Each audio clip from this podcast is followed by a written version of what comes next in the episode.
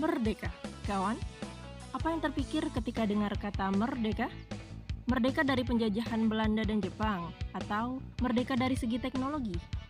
Hmm, sepertinya sisi kemerdekaan tak jauh dari pertanyaan-pertanyaan yang demikian ya.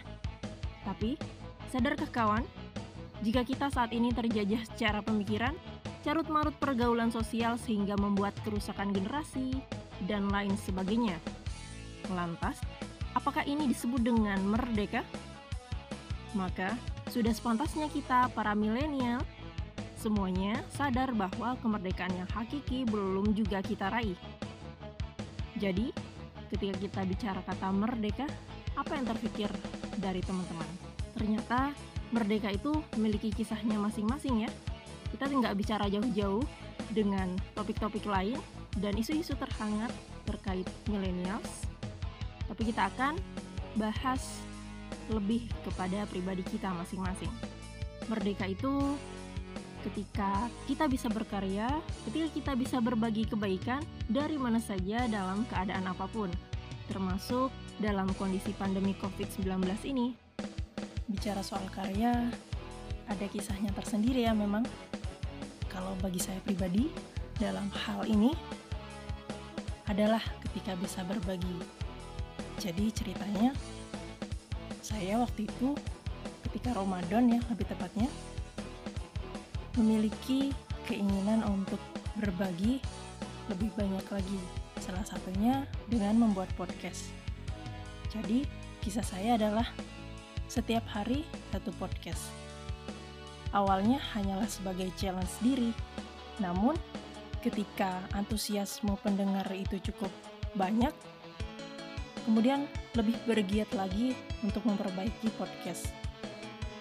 Ya bisa dikatakan podcaster newbie sambil memperbaiki, sambil belajar, dan terus berbagi. Tanpa sadar, ternyata karya-karya itu setelah dikumpulkan sampai saat ini menjadi karya yang sudah cukup dikatakan banyak dan sudah didengarkan. Alhamdulillah 3,3K atau sudah 3 ribuan pendengar podcast kami.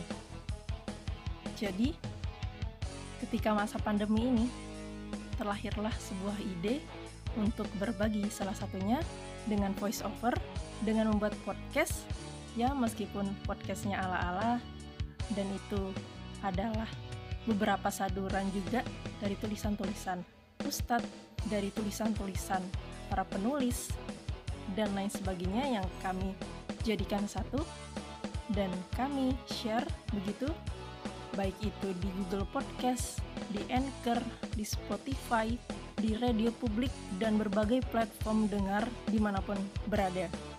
Alhamdulillah, baik itu dari perempuan maupun laki-laki, banyak yang mendengarkannya dan hampir sama rata.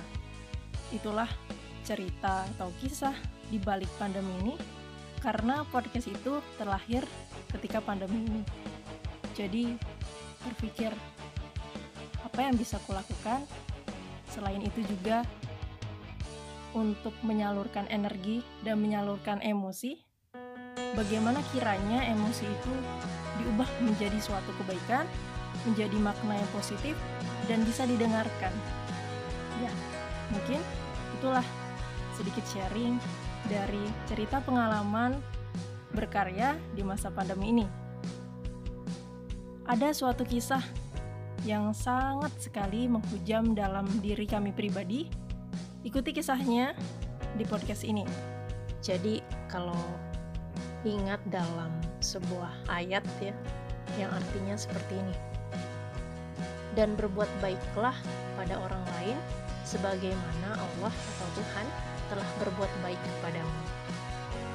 Jika memang kita itu tidak dapat menemukan alasan untuk dapat berbuat baik kepada orang lain maka jadikanlah hal ini menjadi pedoman kita atau alasan dalam berbuat baik dalam berkarya karena tersadarkan dengan kata-kata ini sehingga kebaikan itu bukan karena apa yang mereka lakukan namun karena apa yang Tuhan atau Allah lakukan kepada kita sehingga kita berbuat baik.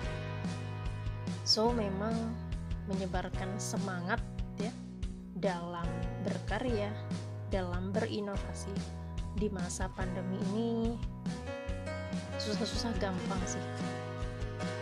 Sebab menyebarkan semangat untuk terus berbuat baik kepada siapa saja dalam hal sekecil apa pun kebaikan ya. Jika memang dilakukan dengan tulus akan mampu memberi kebahagiaan tersendiri pada penerimanya pada saudara-saudari kita. Ya meskipun ada pula dia menganggap karya-karya itu ataupun hal-hal yang sudah kita sebarkan itu dengan pendapat yang kurang baik atau kurang positif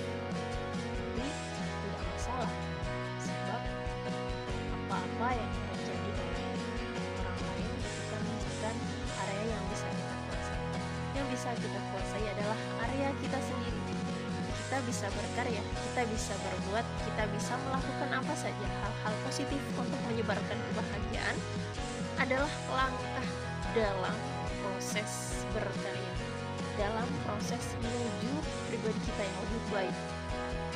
Bicara soal ini, saya jadi teringat kisah tentang kerang laut. Eh, kok bisa gitu? Mari simak podcast ini sampai selesai yuk. Jadi kisahnya, dua orang anak nelayan sedang bermain-main di pinggir pantai.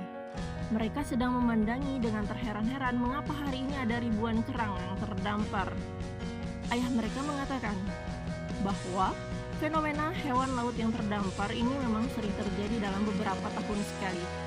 Biasanya karena ada ombak luar biasa besar disertai hembusan angin yang kuat, sehingga hewan-hewan kecil akan terdampar ke daratan.